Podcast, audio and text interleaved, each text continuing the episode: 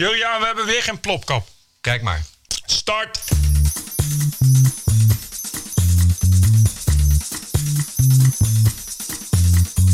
This is the TPO podcast. Ranting and Reason. With Bert Brusson and Roderick Phalo.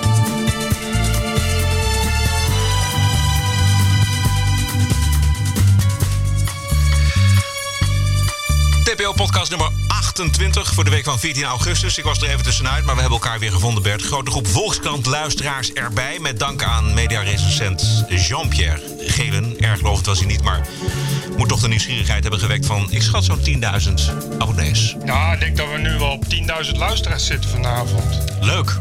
Ik ben nu ook even live via Facebook. Oké, laat, laat ons... Oh ja, en Dus dan, eh, dat zijn toch al drie extra luisteraars die nu die kijken en dan straks weer gaan luisteren. Bart Rijkenboer. Goed. U hoort eh, de ontslagen Google-werknemer James Damore over zijn ontslag bij Google. We bespreken de afvloeingsregeling bij andere grote techbedrijven zoals eh, Facebook en YouTube voor vloggers met een wat afwijkende boodschap. En we horen de persconferentie van vandaag, vanmiddag, van Donald Trump. Want die heeft zojuist gesproken over neonazies van het afgelopen weekend. Bert, maar we beginnen even met een aantal reacties op de vorige twee uitzendingen, want we zijn er twee weken uit geweest. En we hebben toch echt leuke dingen. Hier, deze mag jij voorlezen. Welke de bovenste? Ja, de bovenste. Maarten Brandt. Mochten de vorige 25 afleveringen u zijn ontgaan, dan is dit een uitstekend moment om in te stappen en uw leven te verrijken. Niets moet, maar u bent een dief van uw eigen 40 minuten als u er iets anders mee doet. Enzo Peters reageert. Nou Maarten, ik kan het ook zeer aanbevelen. Fijn duo, kritisch, realistisch en komisch ineen. Verfrissend waar politieke correctheid nog steeds rechtdoor rijdt, zijn zij al lang rechts afgeslagen. En er zijn hele goede reacties binnengekomen op jouw uitleg over wat er nou mis is met eh, van overheidswegen opgelegde Newspeak. Eh, dat heb je in de tijd heel goed uitgelegd. Dat is alweer twee podcasts eh, geleden. Ja, ja, en daar kunnen we nu pas eh, op reageren. Want Roger, Roger Flikweert die schrijft onder andere fenomenale rant, Bert. Ik heb hem al vijf keer beluisterd. Prachtig opgebouwd naar die uiteindelijke climax. En zo uit de losse pols de spijker inhoudelijk zo exact op de kop geslagen. Echt knap. Er zit geen zwak moment tussen. Schrijft hij. En dan gaat het maar door en dan gaat het maar door. En er zijn nog meer van dat soort reacties. Dus eh, Bert, complimenten. Wat, wat dat betreft zou het gewoon eigenlijk elke week over genderneutrale dwangneuroses moeten gaan. Maar dat kan natuurlijk niet. Bovendien luistert de fatsoenspolitie mee. Dus voor je het weet staat de fatsoenspolitie aan je deur op de deur te bonzen. Of je nog fatsoen hebt verstekt achter de boekenkast. Jean-Pierre Gele van de Volkskrant. We zouden er eigenlijk niks over zeggen. Maar toch eigenlijk wel, omdat het zo recent nog is. Die heeft toch ook... Zo eh, zouden we er niks over zeggen. nou, dat weet ik ook niet trouwens. Maar ehm, Daar moeten ze er wel wat over zeggen. We er wel wat over zeggen. Maar, Maar iedereen is nu aan het luisteren om te luisteren wat wij over Jean-Pierre Gele van de Volkskrant gaan zeggen. Ja, dat is niet zo heel erg veel. Vanmorgen las ik een aardig eh, eh, stukje in de krant, in zijn krant. Dat is een reactie op weer zijn column. En daar staat boven fatsoen. Fatsoen is bij de rechtse media uit de mode geraakt. Schreeuwen is eh, in opkomst, al dus Jean-Pierre Gele. Het gevloek en getier van figuren als Hans Steven, Joep van het Hek en Gerard Reven... is bij de linkse intelligentsia echter al jaren salonveeg. Rechts loopt in. Eindelijk, schrijft Gerda Roosendal uit Brummen. Ik vind dat Gerda Roosendaal uit Brummen eh, een standbeeld verdient. Misschien dat in eh, Charlottesville nog ruimte is voor een standbeeld. Ik heb gehoord van wel, dat is net wat standbeelden aan het ruimen tijdens de grote culturele beeldenstorm. Maar daar heeft Gerda Roosendaal uit Brummen helemaal gelijk in. This is the TPO podcast. Het eerste onderwerp eh, is het neonazi-geweld van afgelopen weekend in Charlottesville. De speech van Trump dit weekend was een, eh, nogal een warboel. En zorgde opnieuw voor heel veel kritiek op de president. Maar zojuist heeft hij het netjes overgedaan. Hoewel hij weer eerst begon over de economie en de stockmarket. Eh, we pakken het op vanaf het moment dat hij over het weekend begon. Based on the events that took place over the weekend in Charlottesville, Virginia, I would like to provide the nation with an update on the ongoing federal response to the horrific attack and violence that was witnessed by everyone. To anyone who acted criminally in this weekend's racist violence, you will be held fully accountable. Justice will be delivered. As I said on Saturday, We condemn in the strongest possible terms this egregious display of hatred, bigotry, and violence. It has no place in America. And as I have said many times before, no matter the color of our skin, we all live under the same laws. Racism is evil, and those who cause violence in its name are criminals and thugs, including the KKK, neo Nazis, white supremacists, and other hate groups that are repugnant to everything we hold dear as Americans.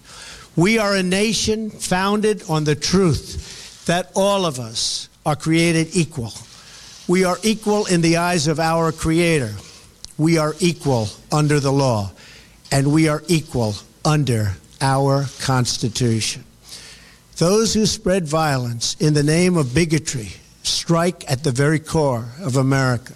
Juist, zo doe je dat, Donald Trump. Waarom kan dat nou niet in één keer goed? Dat vroeg me ook af. Ik wilde net zeggen, hij is wel rijkelijk laat hiermee. Ja, die eerste van het weekend was het natuurlijk een drama. Dat was een. Ja, ik, ik snap. Maar ja, ik, ik zelf denk ik dat hij daar toch echt wel moeite mee heeft. Omdat het toch. eh, ja, ik- waar, waar heeft hij moeite mee? Nou, om dat meteen zo dat beestje bij de naam te noemen. Het- Waarom? omdat het een demonstratie was van, van veel meer, dus ook alt-right. En op het moment dat hij daar iets over moest zeggen, was er nog net... Weet je, hij was natuurlijk bang om voor zijn beurt te praten. Om te zeggen van ja, dit is allemaal, dit is KKK neonazies. Het is wel... Dat, dat heeft iedereen gezien, Bert. ja, ja, Zijn- Zijn zijn- zijn schoonzoon is, is eh, Jared. Dat is een, dat is een eh, devote Jood. Dat had hij ook gezegd meteen. Van, we hebben wel Joden in de familie. Maar kijk, eh, ik ben toch bang dat, dat hij wel bang is voor zijn electoraat. Ik denk dat er, dat er wel een gedeelte van, van eh, belangrijk, eh, belangrijke stemmers op Trump zitten in, toch in dat eh, extreemrechts electoraat. En dat hij dat niet zomaar heeft durven aan te spreken. Echt waar? Ja, dat is de enige, het enige wat ik kan bedenken. Ik bedoel, ik weet het ook niet ehm, eh, anders dan onhandigheid. Weet je, Kijk, nu, nu zegt hij het wel. dus- ja, maar nu is het, heeft het iemand het voor hem uitgeschreven. Dat is een beetje het probleem. Nou ja, er is natuurlijk zoveel kritiek geweest. op dat hij dat niet heeft Ja, eh, willen precies. benoemen, niet durven benoemen. Nee, maar dus, dus is hij vervolgens met mensen gaan zitten van wat moet ik gaan zeggen? Waarop de adviseur zegt, zeg dit. Volgens mij is het toch echt zo dat zijn belangrijkste supporters zitten toch in die hoek. Nee, Voor, dat, dat, is niet waar, elkaar. Bert. Dat is niet waar. overlapt elkaar toch? Dat, zijn, dat is toch. Ik bedoel, ik, ik ben de laatste die zal zeggen dat de, de alt-right. dat het neonazies zijn. Ik vind echt dat ook die neonazies en die clowns. met die, met die borden met kruisen en de KKK. Ik wist niet eens dat die nog bestonden. De KKK, maar kennelijk dus wel. En dat is een hele een apart afgescheiden groep. Dat ben ik me helemaal met je eens. En ik zag ook een hoop van die rechtse militia's en zo. die, die openlijk met wapens lopen. Dat is een kleine groep. Maar die heeft volgens mij heeft die toch niet zomaar aan durven spreken. Omdat daar wel ook belangrijke key figures zitten. die een hoop hebben betekend voor, voor, zijn, eh, voor zijn uitverkiezing. Maar dan, maar dan is hij fout. Als hij die mensen te vriend wil houden, dan ben je volgens mij niet goed bezig als president. Zoals ik het begreep, was het een bijeenkomst inderdaad om, om tegen dat weghalen van het standbeeld te demonstreren. Ja, volgens mij stonden er een hoop mensen stonden ook een beetje te kijken van wat doen al die mensen met die hakenkruisvlaggen hier? wat doen al die mensen in uh, KKK-puntmutsen hier? De, het was volgens mij gewoon een, een eh, demonstratie die je altijd hebt. Gewoon inderdaad, gewoon rechtse Trump-stemmers. Ja, dan komen dus ineens een hele groep van die idioten met fakkels en weet ik veel wat. Ja, daar heeft hij dus natuurlijk niet zo adequaat op kunnen reageren. Omdat hij ook dacht van ja, ik weet helemaal niet tegen wie ik dit nu ga zeggen. Want ah, bovendien, als ik nu ga zeggen, ja, het zijn, uh, het zijn uh, racisten van de KKK en, en neonazies. Ja, als die zich ineens allemaal tegen me keren, wat is dan de backlash op mijn electoraat? Het is natuurlijk gewoon een, verder een republikeinse president. Die zijn er altijd voorzichtig in. Dus voor iemand als Obama makkelijk om te zeggen. Al overigens, volgens mij had hij daar ook moeite mee gehad. Weet je, het, het probleem is dat je niet ook de boel wil verergeren. Dus je wil op dat moment, daarom zei hij ook, dat zou elke president hebben gedaan. Ja, haat van komt van alle kanten en we moeten samen verder. Het is gewoon heel gevaarlijk om meteen iemand bij de naam te noemen. Even luisteren naar de reactie van het weekend van de burgemeester van Charlottesville. Well, look at the campaign he ran. I mean, look, look at the intentional courting, both on the one hand of all these white supremacist, white nationalist group like that, anti-Semitic groups, and then look on the other hand, the, the repeated failure to step up, condemn, denounce, silence, you know, put to bed all those different efforts, just like we saw yesterday. I mean, this is not hard.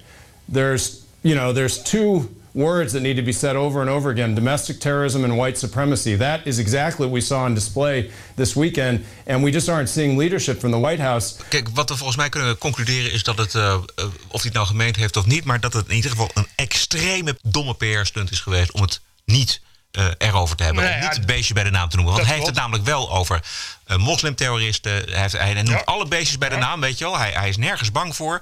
En als je dit laat lopen, dan ben je volgens mij... Nou ja, dan heb je niet in de gaten. Ja, het is oliedom. Hij is met open ogen in die val getrapt. Ja. De, eh, precies dat. Je, kijk, je weet, weet je, als het om moslims gaat... zijn inderdaad de eerste die zegt... dit is gewoon moslimterrorisme. En, ja. en uh, we gaan de moslims er niet meer in laten, weet ik voor wat.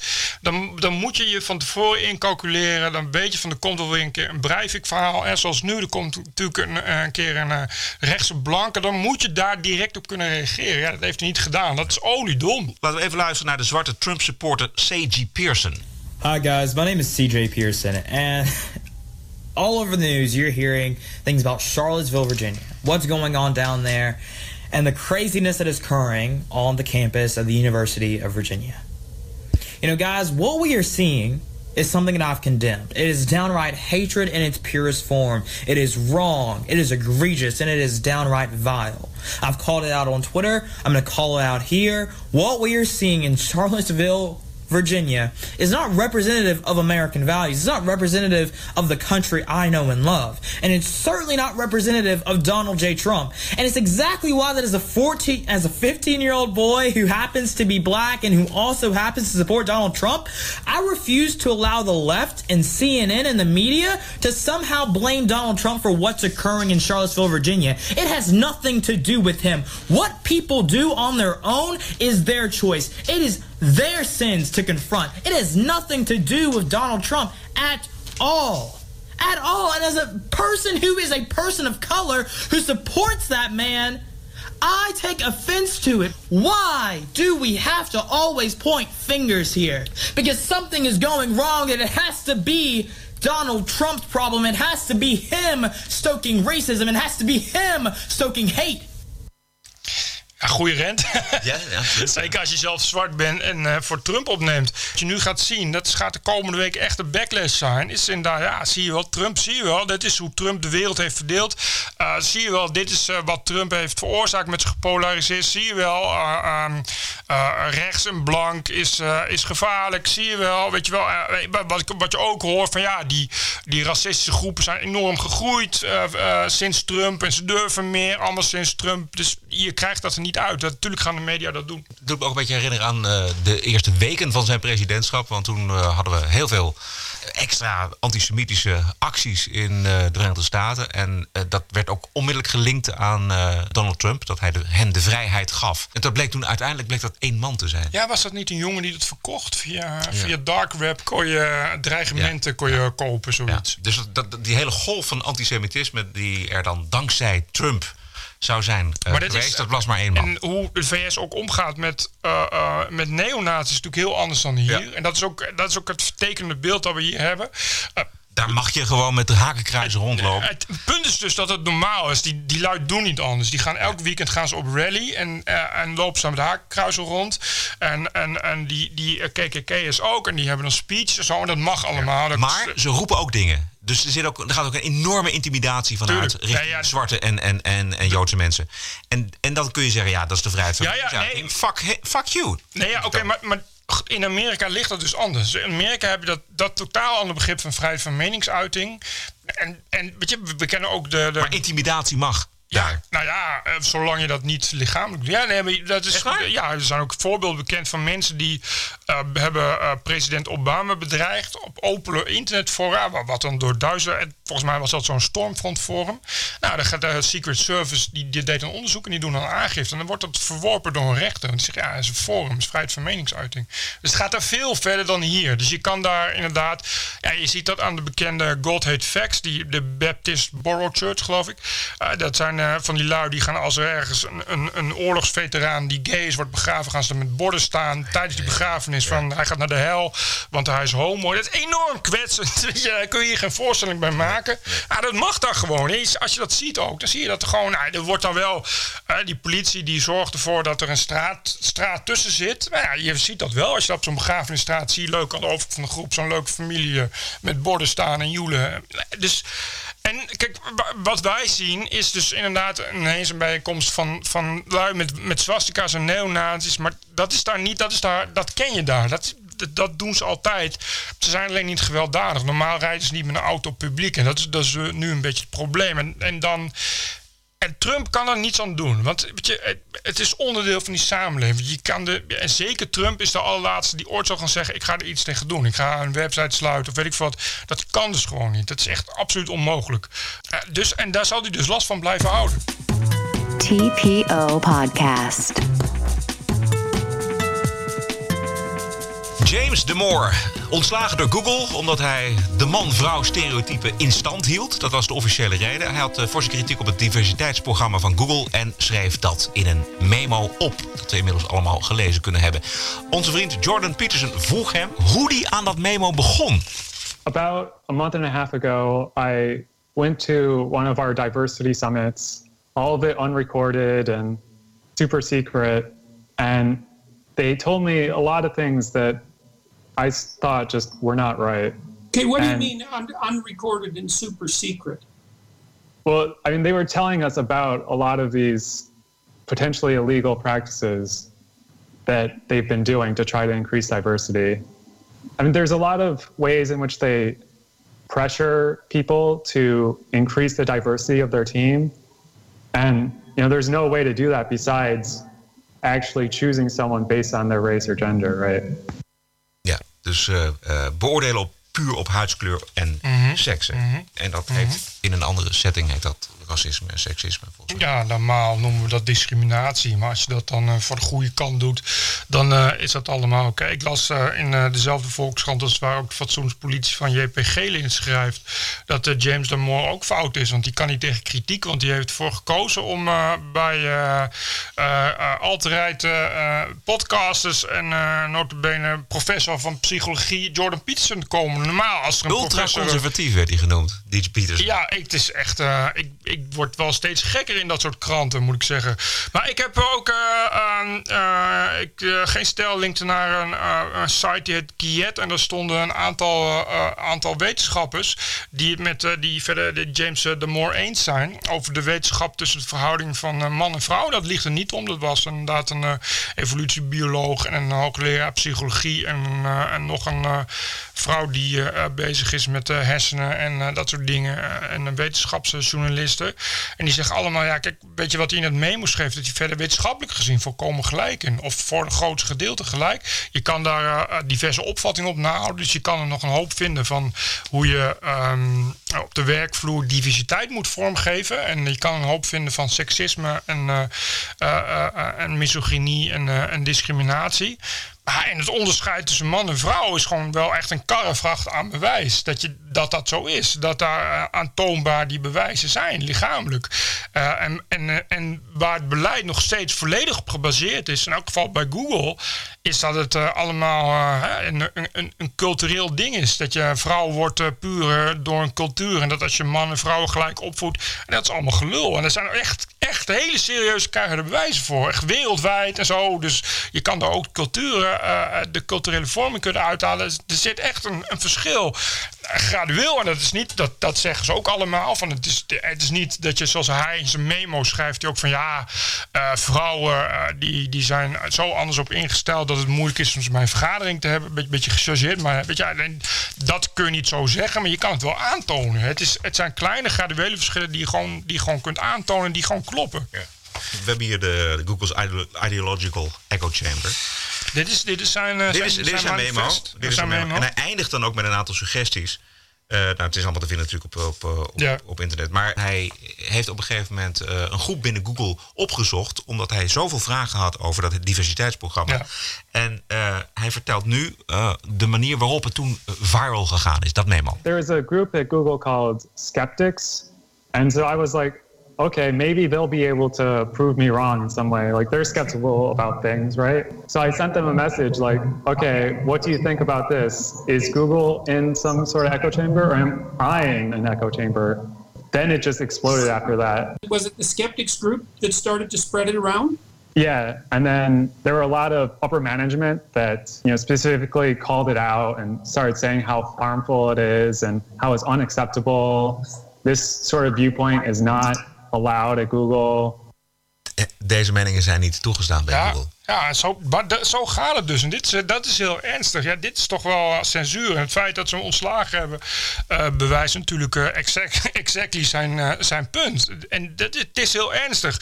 En als je dan ziet hoe die, hoe die Nazia en zijn Rolly in de Volkskrant daarover schrijft, dan denk je van ja, dat is dus precies wat gaande is. Je mag dat dus niet vinden. Dus als je het wel doet, ja, dan ben je toch weer een soort, soort fascist en, en weet ik veel wat. Kijk, als je, als je hele slimme mensen binnenhaalt, wat Google graag wil, dan ga je het krijgen. Want het is een hele slimme jongen. Dat, dat, Kijk, zei de, dat vind ik het zelf het hoopgevende aan dit. Dat er dus millennials zijn die intelligent zijn. En die dit dus niet accepteren, deze gekte. Nou ja, als je, de- als je, hij heeft dus eh, eh, verder ook, ook boeken genoemd en hij heeft er gewoon heel veel over gelezen en heel veel verdiept. Maar als je dat doet, kom je dus tot die conclusie. En dan kom je tot de conclusie dat, die, dat het diversiteitsbeleid zoals het nu wordt gevoerd totale nonsens is. En dat het dus inderdaad ja, een beetje totalitair is en dat het gewoon eh, contraproductief werkt en discriminerend is. Ik las ook op Guillet, die, die evolutiebioloog, die zei ja, je, het is... Het, het is in, in contradictie met elkaar. Dus ofwel je vindt dat er verschillen zijn, ofwel mensen zijn gelijk. Maar als je beide doet, dan kom je altijd met elkaar in tegenspraak. TPO Podcast.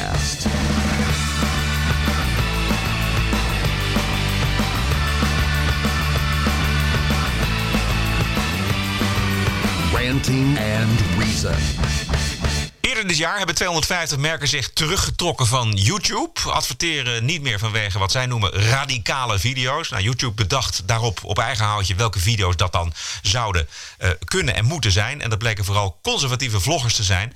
En Trump-fans, zoals de zwarte dames Diamond and Silk. Listen, they stopped the monetization of our videos. We uh-huh. don't know why. They keep saying it's not suitable for all advertisers. So now YouTube is making the decisions for the advertisers instead of allowing the advertisers to make the decisions for themselves based on demographics. We feel like this is a discrimination. Our voices are being censored because you don't like what we say or what we speak.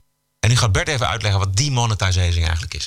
Dat je de adverteerders weghaalt, zodat je met je video geen geld meer verdient. En eh, ja, kijk, je kan natuurlijk zeggen, ja, daar heeft eh, elk commercieel bedrijf recht op. Maar dat houdt natuurlijk geen stand. Op het moment dat, eh, dat YouTube's van Google, op het moment dat dat soort reuzen, net als Facebook doet precies hetzelfde. Eh, ja, je zei het net, bedrijf. je, zei- je, je- hetzelfde bedrijf. En je zei het net al, ja, die gaan op eigen houtje bepalen wat dan, eh, wat dan wel niet goed is. Ja, en dan krijg je dus eh, dat, dat inderdaad conservatieve en kritische geluiden, die worden dan weggehaald. Terwijl het natuurlijk gewoon echt freedom of speech is. Eh, ja, dit, dat is heel kwalijk. En eh, als je zo'n invloed hebt in het maatschappelijk debat, kun je je afvragen of je niet gewoon ook eh, een bijdrage levert aan het in stand houden van, van, van de democratische waarden. En, en, en dat je je gewoon moet. Diversiteit. Ja, ja, nee, dat je ook precies, maar dat je je ook moet onderschrijven aan de grondwet. En dit is wel, ja, dit is toch, gaat toch wel echt wel een soort van censuur. Het is natuurlijk leuker dat je kan zeggen, ja, maar het wordt alleen niet betaald, want ze mogen nog zeggen wat ze willen, maar dat is niet zo. Ze worden niet betaald. Dat betekent eh, dat er voor hun weinig initiatief is om het nog te doen. Eh, ehm, laat staan dat, dat ze dan de kosten, maar goed, die zullen niet zo hoog zijn, nog, ook nog moeten betalen. Eh, maar dat betekent ook dat hun video wordt weggedrukt. Dus die komt minder, minder op de aanbevolen. En die is moeilijker te vinden. Google doet dat net zo. Die hebben ook beleidslijnen waarin ze bijvoorbeeld ehm, conspiracy dingen. En dat, en dat wordt omschreven als dingen die in strijd zijn met wetenschappelijke waarheden. Maar ja, dat is natuurlijk, dat is natuurlijk prima als je gaat zeggen: ja, ik ga ehm, ehm, iedereen die zegt dat de aarde plat is, ga ik wegduwen. Maar tegelijkertijd kun je dus al de vragen: mogen die mensen dat dan niet vinden? Eh, en het wordt natuurlijk veel dubieuzer als je gaat zeggen: ja, wat is gebeurd met de moord op Kennedy of zijn er aliens, ik noem maar wat. Dingen waar natuurlijk geen enkel eh, eh, antwoord op is, maar van, waarvan we, Google wel vindt dat dat dan ook wel weer wetenschappelijk bewezen is. Of neem de, beetje eh, eh, eh, anti, anti-vaccinatielobby. Ja, ik zou ook denken dat het wetenschappelijk bewezen is. Maar je kunt je afvragen of je daar niet vrij over mag debatteren. En als je dat allemaal wegduwt, dan kom je toch op een hellend vlak terecht. En wat je dus uiteindelijk krijgt, ehm, ja, is dat het niet een overheid is, maar een soort schaduwoverheid als Google, die dat soort dingen nu gaat bepalen. Wat dan, ja, het is een beetje een 1994-achtige begint het wel te worden. Het, is, het, is, het, is een, het zijn monopolisten, hè? Als je- dus zij hebben gewoon de macht. Als het kwetsend wordt, als het ge- kritiek gaat op de multiculturele samenleving, kritiek op de islam, eh, kritiek op links, kritiek op hoe we met elkaar omgaan, kritiek op de huidige normen, maar een beetje zeg maar alles wat wij doen, dan komt dus inderdaad in het echte fatsoenspolitie van Jan-Pierre Gele, kom je weer deleten. En dat is natuurlijk problematisch. Nu is het nog erger dat in Duitsland, wat je ook doet, dus zeg maar, als je zegt van ik ben multimiljonair en ik ga alleen rechtse geluiden stenen, kom bij mij en ik, en ik doneer elke maand 10.000 euro. Dan is er zelfs een wet die zegt: ja, jij mag dit niet zeggen, of dit is kwetsend en, eh, en, eh, en haatzaaiend. Ja, ja, mij hoef je toch niet nog een keer te overtuigen dat dit wel heel erg totalitair eh, begint aan te doen. Ja. En de dames van Dame en Silk zijn boos. First of all, we're two minorities, two black women, conservative, Republican, and we are Donald Trump supporters, loyal supporters. That's And for them to do that is bias, is prejudice, is discrimination. We put out a video yesterday where we were having lunch with two other patriotic Americans right. that happen to be white, and they said that this would this it could be monetized That's because right. it's not suitable for all advertisers. So you telling us that all of these advertisers, none of them want to advertise around Diamond and Silk's platform, and even though we've had 16 million people to view that platform, those people are consumers that buy product and use the services too. That's right. Ja, dat is natuurlijk wel zo. Want je ziet dat Fox News is ook gewoon rijk geworden met advertisers. En Alex Jones ook. Dus er zijn natuurlijk adverteerders zat. Zeker in Amerika die daar helemaal geen moeite mee hebben. Uiteindelijk komt het natuurlijk wel op neer dat als je een groot bereik hebt en een grote doelgroep. En die doelgroep heeft geld. Dat je daar dan alsnog wel wil adverteren. Uh, maar ik vind wel dat, ja, kijk, dat adverteerdersmodel begint wel een beetje sleets te raken. Ik heb dat op TPO ook, dat heb ik al geschreven. Ik, ik denk ook steeds meer in de richting van een extra abonnementsmodel. Weet je, dat je mensen wat extra geeft dat ze betalen. En je ook dat mensen wel me- graag uh, doneren, echt puur het principe. Nou, ik denk dat dat wel het model is van de toekomst, want dat is wel toekomstbestendig. Als je een vaste groep mensen hebt, weet je, het model van de correspondent, je hebt dan 40 of 50.000 mensen die betalen elk jaar uh, 60 euro. Dus stel uit je winst, je hebt elk jaar zoveel, zoveel miljoen. En je weet zeker dat je die ook hebt. Dus wat je ook doet, je, die mensen die hebben dat al betaald, die hebben een abonnement. Ja, die, die, die lopen niet weg en je hoeft met niemand rekening te houden. Ja. En daar kan natuurlijk, ja, de wet, ja, die kan wel. Ja, kijk, als je zo'n wet hebt als in Duitsland, wij kunnen dat natuurlijk makkelijk omzeilen door het in, of in een andere taal te doen of ergens in het buitenland op een server te gaan zetten. Het is natuurlijk allemaal leuk, maar op het moment dat je op de Cayman-eilanden op een server staat, dan laat de politie jou nou maar een keer achterhalen. Um, maar als dat zoiets kan ook heel makkelijk een Europese wet worden. Sterker nog, ik weet dat de EU daar al heel lang mee bezig is. Dat is de hele tijd is dat een, is dat een, een ongoing issue. Dat ja. ze dat dus inderdaad heel graag willen bestrijden. Maar zou ze, zou ze podcasts ook kunnen tegenhouden? Als... Nou, die van ons niet. Die kun je nooit tegenhouden. Nee, ja, het is natuurlijk ondoenlijk. Hè? In, in, in, het probleem is dat je, dat je, je hebt daar niet. Dan moet je dus. Ja, dan ben je feitelijk ben je een dictatuur. Dan moet je dus serieus fatsoenspolitie alle podcasts gaan laten afluisteren. En alle teksten gaan laten lezen. Het is natuurlijk. Uiteindelijk is het ondoenlijk. Weet je, bij, bij, binnen Facebook kan dat, omdat je ook. Uh, ja, mensen kunnen elkaar NSB en zo. Je kan elkaar lekker makkelijk aangeven. Kun je flaggen. En, en je hebt een algoritme die dat kan controleren. Maar stel dat je. Uh, stel, stel dat wat wij zeggen dat het verboden is. Dat je dat wat wij doen. Met, ja, dan, maar dan heb je dus effectief elke keer een mannetje nodig bij de overheid. die die hele podcast gaat zitten luisteren. Op strafbaarheid. En dan moet je dat noteren. En dan moet je daarmee naar de rechter en zo. Ja, als je dan. Dat, dat kun je natuurlijk. Uiteindelijk is dat natuurlijk onhaalbaar. Dus het is uiteindelijk nooit meer haalbaar. En dat is ook uh, gelukkig de zegen van, van, van, de, van de online age.